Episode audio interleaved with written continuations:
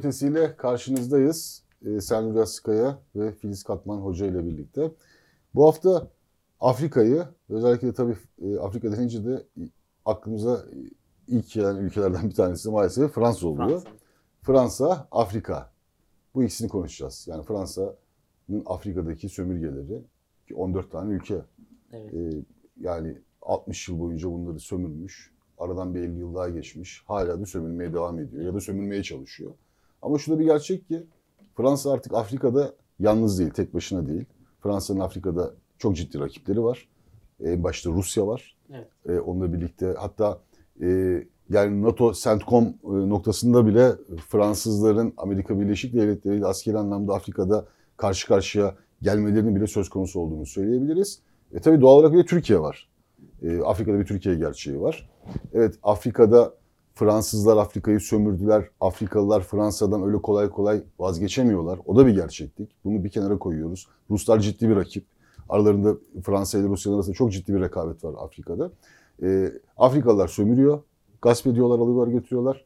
İşte Rusya ve Çin orada Afrika'da Afrikalılara e, işte Fransızlar kadar olmasa da daha naif davranıyorlar. Evet. Ama onların da orada çok böyle samimi olduklarını söyleyemeyiz. Orada biraz fark yapan ülke Türkiye. Türkiye tamamen Afrikalılara, Afrikalı gözüyle de bakmıyor. Afrikalılara Türkiye e, iş ortağı gözüyle bakıyor ki bu Cumhurbaşkanı Erdoğan'ın kendi ifadesidir. Afrikalı görüştüğü bütün liderlere siz bizim iş ortağımızsınız diyor. Evet. Bunu her defasında vurguluyor ve kazan kazan ilkesiyle hep hareket ediyor. E tabi bu da e, Afrika'nın Türkiye olan e, şeyini cazibesini biraz arttırıyor. Ama tabii burada en büyük problem Fransızlar, Fransa, Fransa'nın oradaki o sömürgeleri. Çünkü şu bir gerçek ki Afrika'da e, gidenler de biliyor, gördük daha evvelde. Hani öyle Fransızların katil olduklarını, katliamcı olduklarını, hırsız olduklarını, gaspçı olduklarını, hala haraç kestiklerini çok iyi biliyorlar. Ama bilmelerine rağmen o e, Fransız hegemonyasını da kolay kolay üzerlerinden atamıyorlar. Evet. Bunun da çok ciddi şeyi var belki de kendi kendileri açısından e, biraz empati kurduğumuz zaman hani o güvensizlik kime güveneceklerini belki bilemiyorlar.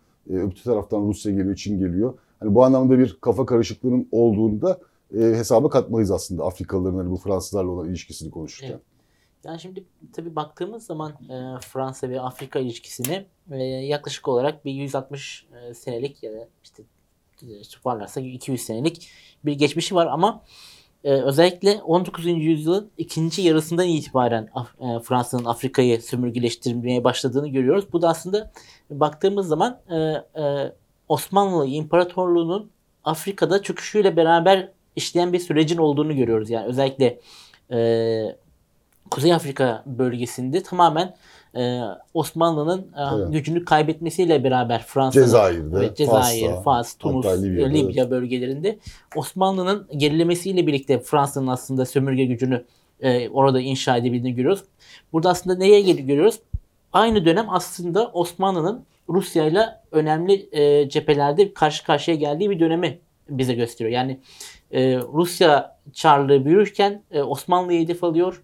Osmanlı e, kuzeydeki yeni komşusuyla mücadeleye girişirken de e, aslında Afrika'daki topraklarını kaybetmeye başlıyor. Şimdi aslında e, tarihin bir cilvesi mi desek e, şimdi Ru- Rusya Afrika'ya dönüyor ve bu sefer e, Fransa'yı orada geriletmeye başlıyor bir şekilde. Evet. Ve Türkiye'ye de burada aslında alan açıyor e, Rusya'nın e, o bölgeye girmesi. Yani tarih bir şekilde artık tersine seyrederken e, Fransa bir şekilde bu bölgelerde gücünü kaybederken e, Rusya gibi ülkeler, e, Türkiye gibi ülkeler e, etkinliğinin nüfuzunu artırıyor. Tabii şimdi baktığımız zaman Fransa'nın bu kıtadaki geçmişine hem Batı Batı Afrika bölgesinde özellikle ve Kuzey Afrika'da sömürgelerinin yoğunlaştığını görüyoruz. E, işte 19. yüzyılda neredeyse Afrika'nın %35'i e, Af- Fransa'nın kontrolü altındaymış ve o mirasın en önemli şeyi e, bugünkü e, sembolik olarak göstergesinde e, işte Fransa'nın nüfusu yaklaşık 70 milyona yakın. Buna karşın Afrika'da 140 milyon Fransızca konuşan kitle var. Yani Fransa'nın nüfusundan Evet. nüfusun ilk katı kadar bir kitle şu an Fransa'da e, Afrika'da Fransızca konuşuyor. Şimdi sen dedin ya bu ilişkin nasıl yani hala o sömürge zihniyeti devam ediyor. o- Yani İşte bir- o, o arada geçen yıllar içerisinde bugün mesela e, işte Togo'ya gittiğin zaman, Benin'e gittiğin zaman Fransız yani böyle 50 yaş üstü Fransız vatandaşlarını görüyorsun. evet. Yani adam Paris'te yaşıyor ya da Fransa'nın başka bir şehrinde yaşıyor. Emekli oluyor. işte yani yazlık niyetine belki Evet, oralara gidiyor oralara yerleşiyor. Kesinlikle. E, çünkü daha ucuz bir yaşam, e, daha rahat, bir de güzel bir yer, Tabii, evet. yeşillik, Bir de el üstünde tutuyorlar. okyanus biliyorsun yani. Bir de el üstüne tutuyorlar. Yani orada kendilerine bir saygı hürmet yani bir hani bir sör e, karşılığı Evet, buluyorlar hala kendilerine o orada. sömürgeci efendi Evet, e, evet. ilişkisi bir şekilde devam Ve ettirilmeye Orada çok çalışıyor. sayıda bugün e, Fransız vatandaşın 50 yaş üstü emekli olmuş ama oralarda yaşayan Fransız vatandaşını görebiliyorsunuz. Aynen. Ya bir de şey tabii e, şimdi bu e, sen dedin ya işte bu dille kurulan ilişki en büyük sömürge ilişkisi aslında. Yani siz o insanların aslında zihnine hala egemen olmaya Tabii. devam ediyorsunuz dil üzerinden Fransız. O yüzden ki mesela Cezayir artık biz okullarımızda Fransızcayı zorunlu tutmayacağız dediği zaman Evet. Paris'te kıyamet koptu. Tabii. Çünkü dille ilişkisi kesildiği zaman e, coğrafyayla 10 sene, 15 sene sonra, 10-15 20 sene sene sonra, sonra artık orada bir hükmünüz kalmayacak. Ee, böyle bir ilişki var. Şimdi son dönemde özellikle e, bu Macron dönemini e, esas alacak olursak e, Macron dönemiyle birlikte iyice e, Fransa'nın bu eski sömürgeler üzerindeki vesayetinin kalkmaya başladığını görüyoruz. Burada büyük bir uyanış var. İşte sen Bir başka aldırı var. bir evet, başka çok aldırı net. var. E çünkü dünyanın değiştiğini artık Afrika ülkeleri de göre bu iletişim teknolojileri Tabii. diyoruz ya herkesi bir şekilde eşitledi. E, Afrikalılar da artık dünyanın değiştiğini görüyorlar ve işte Çin gibi ülkeler, Rusya gibi ülkeler, e, Türkiye gibi ülkeler de e, kendilerini bölgede Afrika'da gösterdikçe bu sefer alternatifler çoğalıyor ve e, bir yerden sonra diyorlar ki e, biz bu Fransa'ya artık çok da mecbur değiliz. Tabii. E, her ne kadar hala ekonomik olarak e, bir bağlan ve ekonomik, siyasi ve sosyal olarak bir bağlantı süreci Ya olsa bu da bir sene bir seneyi geçti. E, Mali'de bir tane 15 yaşında bir çocuk vardı hatırlarsınız. Fransız drone'unu sapan sapanla taş atarak düşürmüştü. evet, Yani sapan taşıyla Fransız drone'u avlayan Mali'li 15 yaşındaki çocuk. evet. Bu çok önemli bir e, hatta çocuk İntifadaya- kahraman olmuştu. İntifadaya Evet, benzeyen Filistin bir- intifadası gibi. Yani Arafat'ın küçük askerleri nasıl İsrail tanklarına taşlarla direniyorlarsa o Fransız çocuk da sapan taşıyla Fransız drone'u düşürmüştü ve ülkesinde kahraman olmuştu. Aynı dönemde şeyleri hatırlıyoruz yani Burkina Faso'da, e, Mali'de. Mali'de. Çok evet. sayıda Fransız e, devreye gezen Fransız askerlerinin taşlandığını ya da kovalandığını da Kovalan- bunları da görmüştük. Yani 5-10 sene önce bunları görmek e, neredeyse imkansızdı. Evet. Belki öfke vardı ama korkudan dolayı o dışarıya yansımıyordu. Bugün o korku hala var ama biraz da korkunun aşılmışlığını artık net bir şekilde görebiliyoruz. Yani Fransız askerine posta koyabiliyor Afrikalılar. Evet yani şimdi şey tabii e, özellikle bu iletişimin çeşitlenmesiyle birlikte ya bir dönem sadece batılı ülkelerin medya araçları bu kıtalarda hakimdi ve Evet. onların e, kullandıkları dille e, dünyaya bakabiliyorlardı. Şimdi mesela ben geçtiğimiz günlerde bir e, makale okudum Çin'in Afrika'daki faaliyetlerine ilişkin. Mesela Çin e, önemli bir hamle yapmış ve e, Çin e, devlet televizyonunun ve e, haber ajansının merkezlerini Paris'ten Afrika ülkelerine taşımışlar. Ve kendi haber içeriklerini bedava bu ülkelerin, e, Afrika ülkelerinin e, ajanslarıyla, medyalarıyla paylaşmaya başlamışlar. Ve böylece aslında o e, söylem, e, Evet. batılı söylemin e, iktidarı bir şekilde orada kırılıyor. Bu söylem kırıldıkça e, Batı'nın da e, bu ülke ülke insanlarının zihniyetine ve işte o düşünce biçimlerine hakim olmasının da e, bir şekilde dengelenmesi. Aslında o şey yani Frans, e, Fransa, Ruslar ya da Çinler ve Türkler. Hani bu üçünün Evet. Afrikalılar karşısındaki e, karşılıklarını ne olduğunu biraz söylemek gerekirse hani başta biraz ifade etmeye çalıştım. Sen tam o noktaya geldin. Hani Fransızlar o anlamda hırsız ve katiller. İşte Çinliler e, biraz şey veriyorlar yani bir atıyorum işte bir yol inşa edelim diyorlar. Evet. Ya da bir köprü yapalım diyorlar. Ama yine hani bir koyup iki alma peşindeler. Yani çünkü şeyleri de biraz Çinlerin yaptığı işlerin de kalitesinin düşük olduğunu söylemekte fayda var yani. Afrikalılar evet bir şeyler yapıyorlar ama Fransızlar hiçbir şey yapmamış. Onlar bir, bir- Evet. bir şeyler yapıyorlar ama çok iyi şeyler değil yani kaliteli şeyler değil. Bu anlamda Bir tık Türkiye daha iyi. Evet bir tık daha iyi diyoruz ama hani en iyisini Türkiye yapıyor o anlamda. Bunu Afrikalılar da biliyorlar.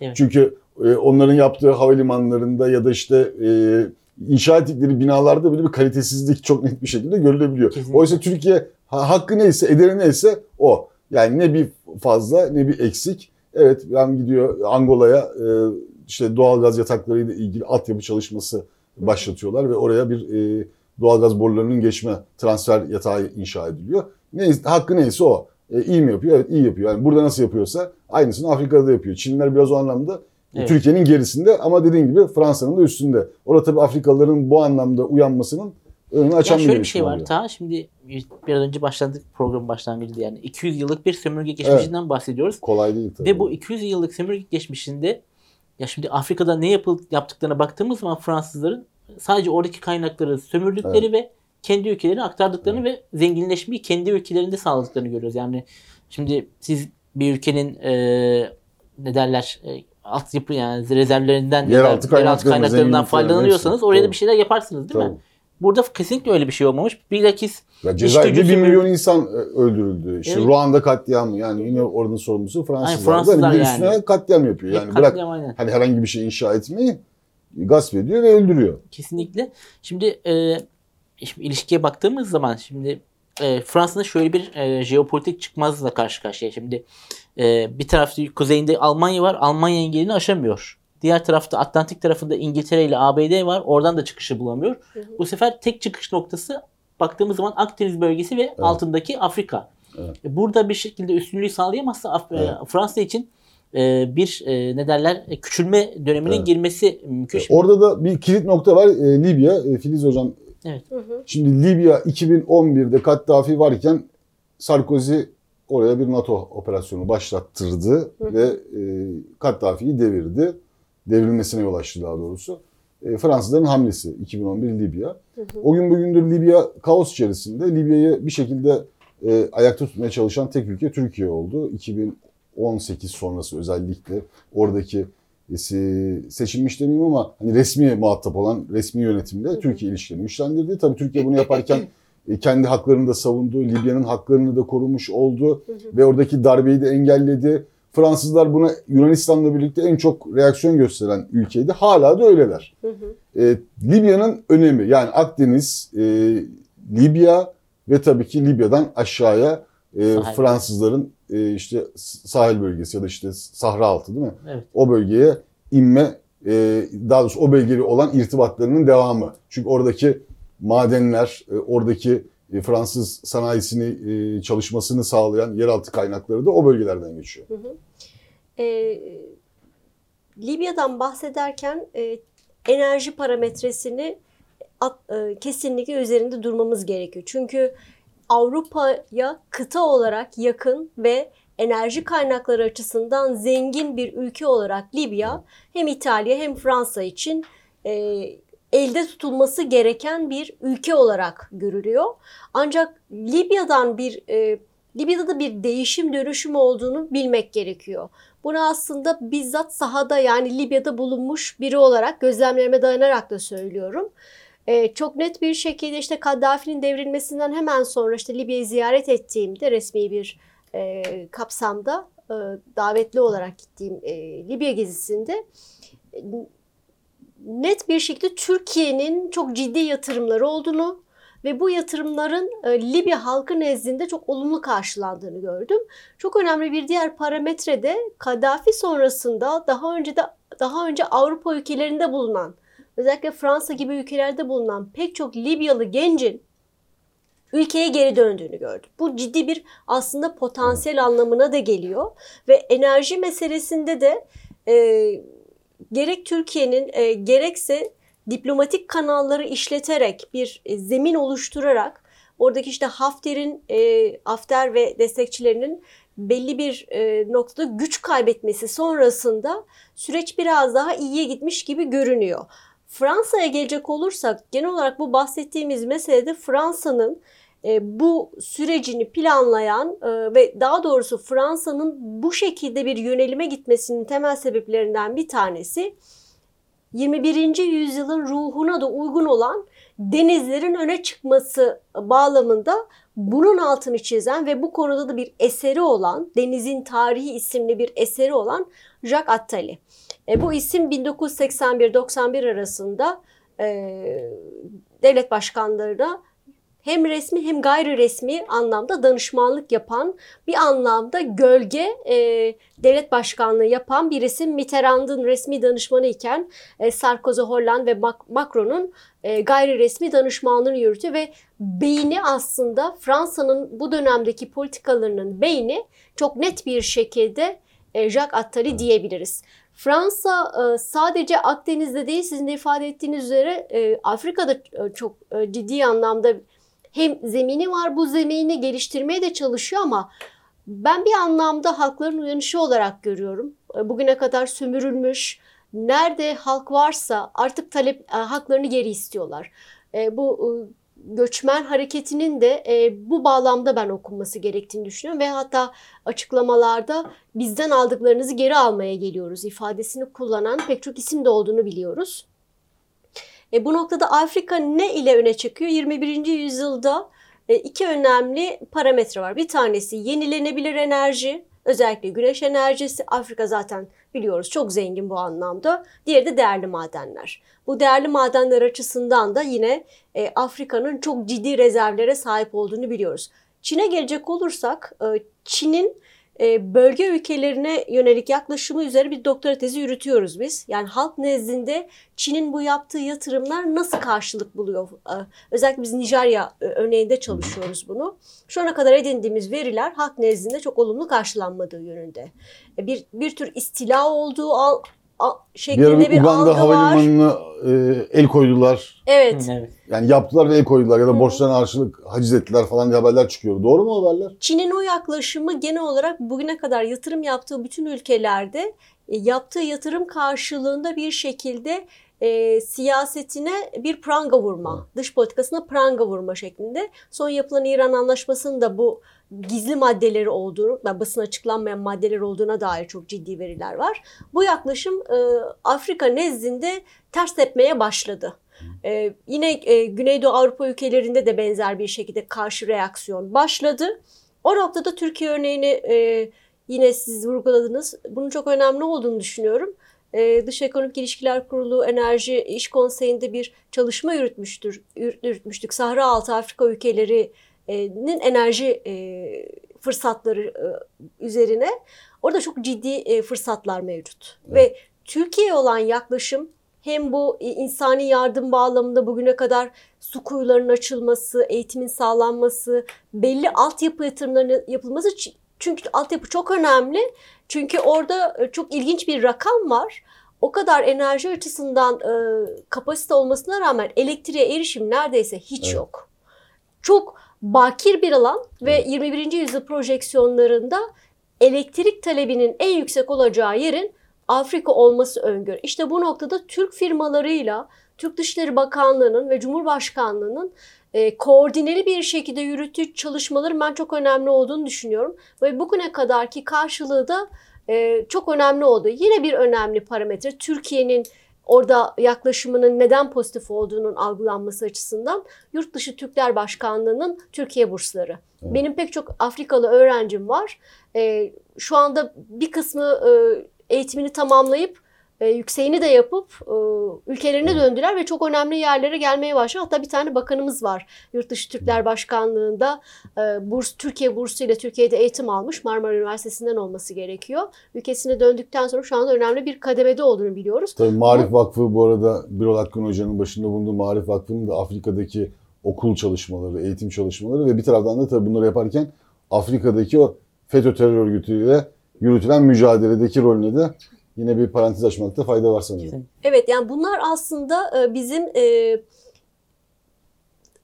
nasıl diyeyim ileriye yönelik çok ciddi yatırımlarımız. En başta e, pek çok ülkede konsolosluk ve büyükelçilik açması Dışişleri Bakanlığı çok önemli bir hamlesiydi. Bunu burslarla destekledik.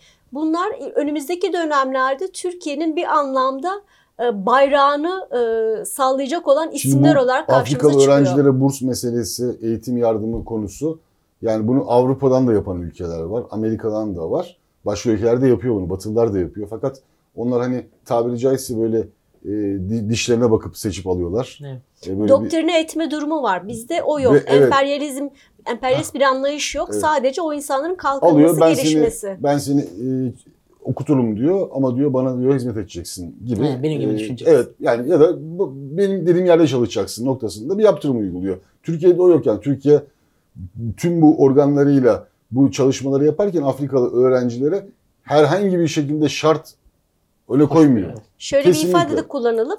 Ee, özellikle Amerika Birleşik Devletleri'ne e, yüksek e, lisans ve doktor için eğitime giden arkadaşlarım kendilerine sadece Türkiye çalışma şartı getirildiğini Hmm. tezlerinde sadece Türkiye çalışma şartı getirildiğini söylemişti. E, Bizde hiç o öyle bir şey de yok. Bir karşı bir beklenti de yok. Yani sadece kendi ülkenin çalışacaksın.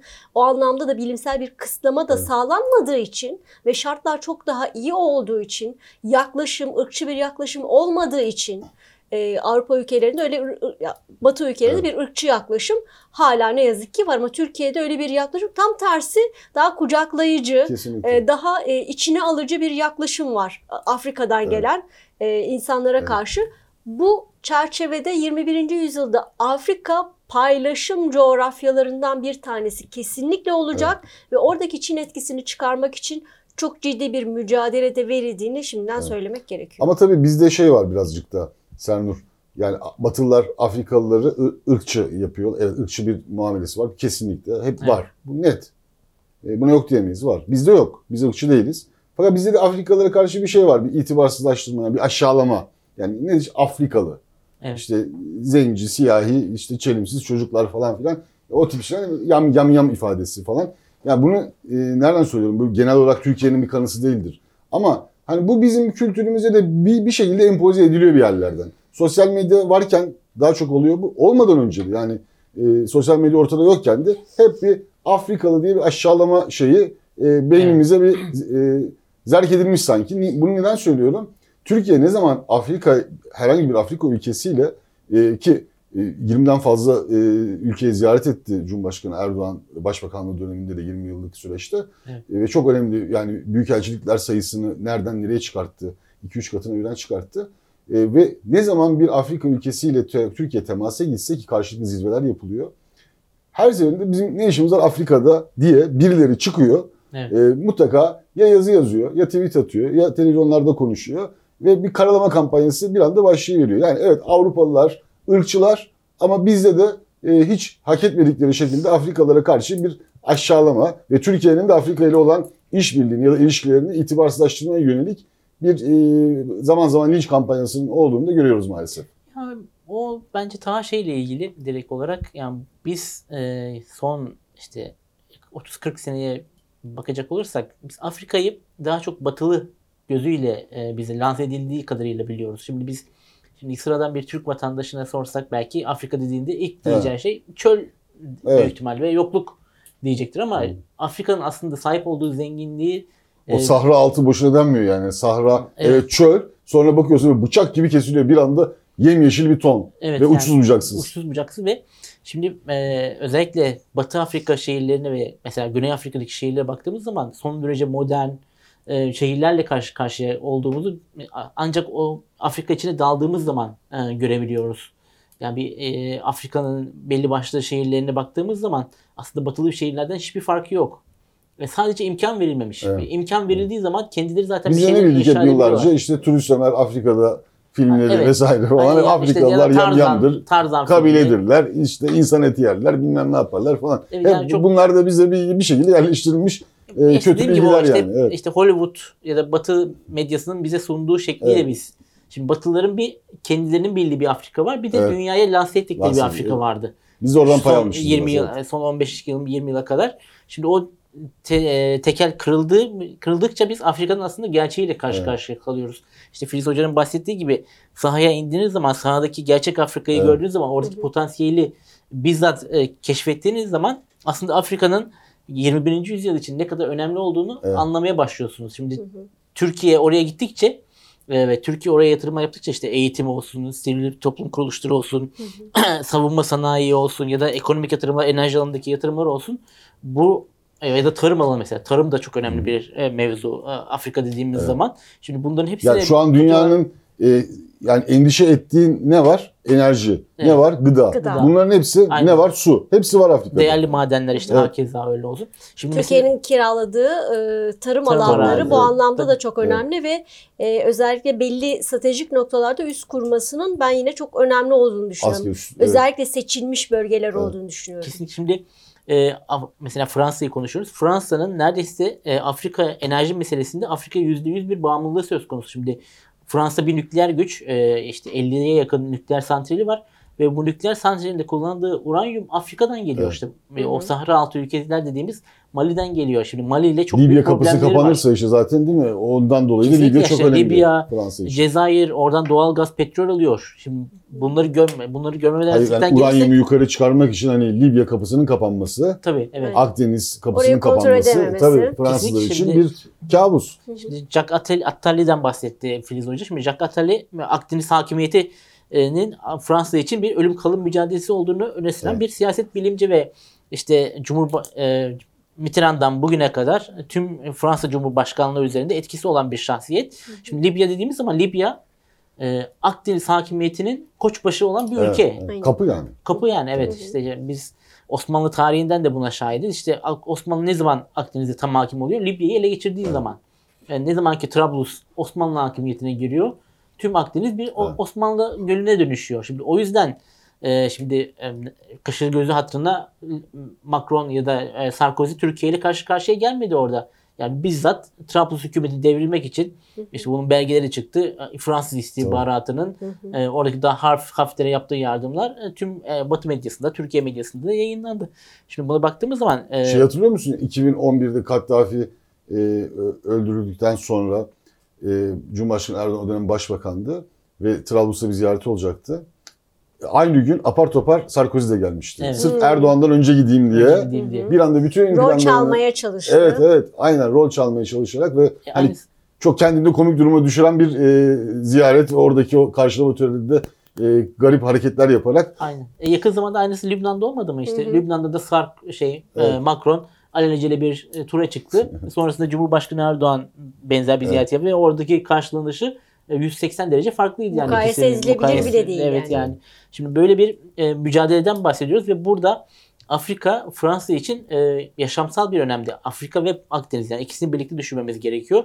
Şimdi Sahra altını neredeyse kaybetmiş durumda Fransa. İşte Mali'den çekilmek zorunda kaldı. Dün Burkina Faso e, Fransa büyük büyükelçisini istenmeyen adam ilan etti.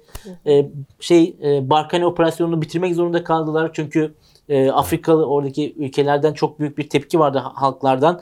E, şimdi Barkane operasyonu aslında sözde terörle mücadele Evet. etmek için işte Batı Afrika ve sahil bölgesindeki ülkelere yardım etmek için kurulan bir Fransa'nın askeri operasyonuydu ama ne zaman ki bu operasyon başladı e, işte oradaki devlet e, temsilcilerinin ve halkların söylediği e, daha da fazla bir terörün e, büyümesiyle ve artık şehirlere kadar Evet. yayılmasıyla karşı, yani karşı karşıya kaldığımız bir süreçle e, sürecin yaşandığı söylendi. E, ve şimdi e, tepkiler sonucunda Fransa Evet. bunu işte geçtiğimiz Kasım ayında sona er- erdiğini ilan etmek zorunda kaldı. Ve o günden sonra e, gün geçmiyor ki her gün bir Fransız hükümet yetkilisi ya da bürokrat bir Afrika ülkesini ziyaret etmesin. Evet. Çünkü onlar da gelen yani karşı karşıya kaldıkları tehlikeyi görmüş durumdalar ve Fransa'nın Afrika'dan e, çıkartılması demek Fransa'nın sıradan bir Avrupa ülkesine dönüşmesinin başlangıcı anlamına geliyor. Çünkü siz e, dediğim gibi o Frans e, Afrika ile ilgili enerji, işte insan sermayesi, e, yine bu kritik madenler e, vesaire gibi konulardaki etkinizi kaybettiğiniz zaman e, muhtaç duruma düşersiniz. Evet. Hocam şimdi bu güvenlik meselesi çok önemli tabii. Hı hı. Mesela e, Nijerya diye bir ülke var. E, çok ciddi petrol rezervleri var. Hı hı. Çok zengin. Fakat Nijerya'da hani başkentinde bile sokağa çıkmak akşam saatlerinde çok son derece sıkıntılı. Tehlikeli. Hı hı. Yani uyarıyor polis yani sokağa çıkma akşamları fazla ulaşma diyor yabancı insan eğer. Ya da başka diğer ülkelerde de Angola'da da öyle yani. Akşam olduğu zaman beyaz adam çıkmasın dışarı çünkü sıkıntı yaşayabilir. Güvenlik problemi var. Bu yani hem şehirler arası, şehirler içerisindeki e, asayiş problemleri var. Onunla birlikte Sernur'un bıraktığı yerden devam edecek olursak bir de terör tehdidi. Yani daha önce El-Kaide'nin kolları, sonra işte DAEŞ'in kolları. E, oralarda da cirit atıyorlar. Fransız askerleri de onlarla işte sözde mücadele ediyor. Bir taraftan işin terör boyutu var. Şimdi bunların hepsini bir kenara koyacak olursak, evet Fransız askerlerinin orada bulunması için güzel bir sebeptir. E, Afrika ülkelerindeki güvensizlik, güvensizlik ortamı. E, öte taraftan Rusya'nın oradaki varlığı Afrikalıların uyanışında önemli bir etken diyoruz. E, ama mesela Rusya'da Wagner'le gidiyor oraya. Evet. Şimdi bu ülkeler yani akşamları sokağa çıkılamayan, çıkılamayan, e, tehlikeli olan, e, tehlike barındıran, sokaklarında tehlikeler barındıran ya da terör örgütlerinin e, iç savaşlar çıkarttığı ya da darbelerle anılan Darbeler. ülkeler. daha önce işte en son Burkina Faso'da Mali'de darbe oldu. Onları da hani Fransızlar mı yaptırdı, Ruslar mı yaptırdı? Çünkü oradaki generallerin ya da askeri yetkililerin bir tarafında da hani bir Rus yanlılıkları da görmeye başlıyoruz artık. Böyle bir atmosfer. Yani bu atmosfer evet e, Fransa'daki alter, e, Afrika'daki alternatifleri arttırır, e, çeşitliliği arttırır, Fransa'nın hegemonyasına e, z- zarar verir ama bir taraftan da o güvenlik problemini de daha da ciddi boyutlara taşıyabilir mi acaba? Özellikle bu Wagner meselesi. E, açıkçası e, oradaki temel meselelerde sizin ifade ettiğiniz konuya ilaveten bir de yolsuzluğu da e, Evet. anlatmak gerekiyor. Yolsuzluk aslında şu anda Afrika ülkelerinin, Afrika vatandaşlarının bu kadar fazla zenginliğe sahip olmalarına rağmen refahtan tam pay alamamalarının temel gerekçesi ve bu kadar fazla eğer göç kıta dışına göç varsa yolsuzluk sonucu bu refahtan faydalanamama bunun temel sebeplerinden bir tanesi. Bu güvenlik meselesinde de yine Türk Türkiye çok öne çıkan bir ülke. Nasıl öne çıkıyor? Hem Türk ordusunun hem Türk polisinin oraya verdiği eğitimlerin altını çizmek gerekiyor. Bugüne kadar yetiştirilen e, çok önemli e, bir personel var ve e, belli dönemlerde oradaki farklı temsilciler aracılığıyla biz bunun basına yansımalarını da görüyoruz. Hatta şu anda işte Libya'da benim de doktor öğrencim olan e, Türk ordusunun e, kıdemli bir e, subayı orada görev yapmak üzere şu anda orada bulunuyor. Bunlar çok önemli meseleler. Neden? Çünkü bugüne kadar e, orayı abat etmek Evet. değil, oradan faydalanmaya çalışmak. Biz ise Türkiye ise oradaki nitelikli insanları yetiştirerek, orada bir sistem kurarak, sistemin de- devamlılığı için neler gerektiğini ifade ederek oranın kendi kendine yetmesini sağlamaya çalışıyor. Altyapı yatırımları, yatırımları bu, bu yüzden çok önemli. Çünkü düşünün e, bir e, su kuyusunun dahi bir Evet. kaç ailenin hayatını değiştirebileceğini e, tahayyül e- edem edemeyiz. Çünkü terörizm ifadesinden bahsettiğiniz Boko Haram'ı atlamamak Evet. gerekiyor. Boko Haram burada çok önemli. Özellikle kız çocukları e, üzerine yapılan çok ciddi kaçırmalar var. Çok ciddi bir şekilde orada e, hayatlarının te- e, tehlike altında olması durumu var. Hatta bir doktor öğrencimin babasının kaçırıldığını ve çok net bir şekilde insanların orada sizin bahsettiğiniz belli bir saatten sonra dışarı çıkmamayla ilgili Güney Afrika dahil olmak üzere Evet. Güney Afrika ülkesinde Evet, herkesin resmen e, demirle e, kilitli kapıları vardır. Hiçbir şekilde güvenli hissetmezler belli bir saatten sonra. O çeteler çok yaygındır. Neden? Çünkü orada eğer bir istikrar temin edilirse, tesis edilirse sizin de ifade ettiğiniz üzere bu ülkelerin oradaki e, varlıkları, mev- Evet. mevcudiyetlerine ihtiyaç kalmaz. İşte bu noktada yine Türkiye farklılaşıyor. Hem Çin'den farklılaşıyor, hem e, Rusya'dan farklılaşıyor, hem de Fransa'dan farklılaşıyor. Orada yapı kurmaya çalışıyor. Oradaki insanları eğiterek daha sürdürülebilir düzenler kurmaya çalışıyor. Yine burada e, eğitim gören ve ülkelerine geri dönen benim neredeyse bütün öğrencilerimin işte ilk derste sorduğum ne yapmayı düşünüyorsun? Eğitim bitince ülkeme geri dönmek istiyorum. Çok ciddi hayalleri var. Evet. Ülkelerinde yönetici olmayı hayal ediyorlar. Çünkü bu yolsuzluktan ve terörizmden, istikrarsızlıktan çok kendileri de e, sorun yaşamışlar. Bunu düzeltmek istiyorlar. E, Ben bu anlamda geleceğin Afrika açısından bir uyanışın e, coğrafyalarından bir tanesi olacağını düşünüyorum ve kaynakların düzgün yönetilmesi sağlanır ise e, çok ciddi bir şekilde bu emperyalist güçlerin de ülkeye girmesine izin vermeyeceklerini düşünüyorum. Sernur son birkaç dakikamız kaldı. Senden de bir kapanış. Yani bu Fransa'nın e, Yunanistan'a verdiği destek, Güney Kıbrıs'a verdiği destek e, ya da şu son dönemlerde özellikle Irak'taki mevcudiyetin artırılması çok rastgele pro- projeksiyonlar değil. Bunlar bilakis Türkiye'nin Afrika'da yaptığı atılımlara cevap şeklinde okunmalı. E, şu- aslında e, Türkiye Afrika'daki varlığını geliştirdikçe e, Fransa'da bir panik yaşanıyor ve Filiz Hoca'nın aslında çok güzel özetlediği olayı. Neden? Çünkü Türkiye orada bir sistem kuruyor ve dış ülkelerin ihtiyacını en minimuma indiriyor. Yani burada da en fazla zarar görecek ülkeler e, e, Fransa gibi sömürgeci ülkeler. E, ben Afrika'daki sömür bu şey vardı. Geçtiğimiz günlerde Le Monde e, Afrik Afrika'da bir e, fil dişi sahil e, fil dişi sahilli bir yazarın e, röportaj yapmışlar onda geniş şekilde. Orada şey diyor. E, Fransızlar artık bizimle göz hizasında e, temas kurmayı öğrenmeli diyor. Hı hı. Biz artık eşitler arasında ilişki Evet. istiyoruz diyor. Tepeden yani bakmayı tepeden bırakmalı. bakmayı Evet. bırakmalılar diyor. Bence artık o, o yanışın Onun- artık geldiğini evet, görüyoruz onun yani. gibi. Evet. Önemli bir kilometre taşı diyebiliriz Yani Afrika'nın uyanışında. Bakalım Fransızlar göz hizasında ilişkiye Evet. hazırlar mı onu göreceğiz. Tabii daha ben yani bir uyanış var bir başkaldırı var ama çok da mücadele canım. gerektiren Daha bir evet. süreç. Kesinlikle. Burada bir noktayı koyalım belki. Şu aralar astroloji ve uluslararası ilişkiler çok bir arada anılıyor. Ee, 21. yüzyılın kova yüzyılı oldu ve halkların uyanışı olduğuna dair yorumlar yapılıyor astrologlar tarafından. E, bu anlamda da e, haklarını geri alacak e, halkların e, direnişi e, dilerim bu emperyalist güçlere e, yönelik e, bir uyanış açısından da 21. yüzyıl e, öne çıkacaktır diye söyleyebiliriz. Çok teşekkür ederiz. Teşekkür ederiz.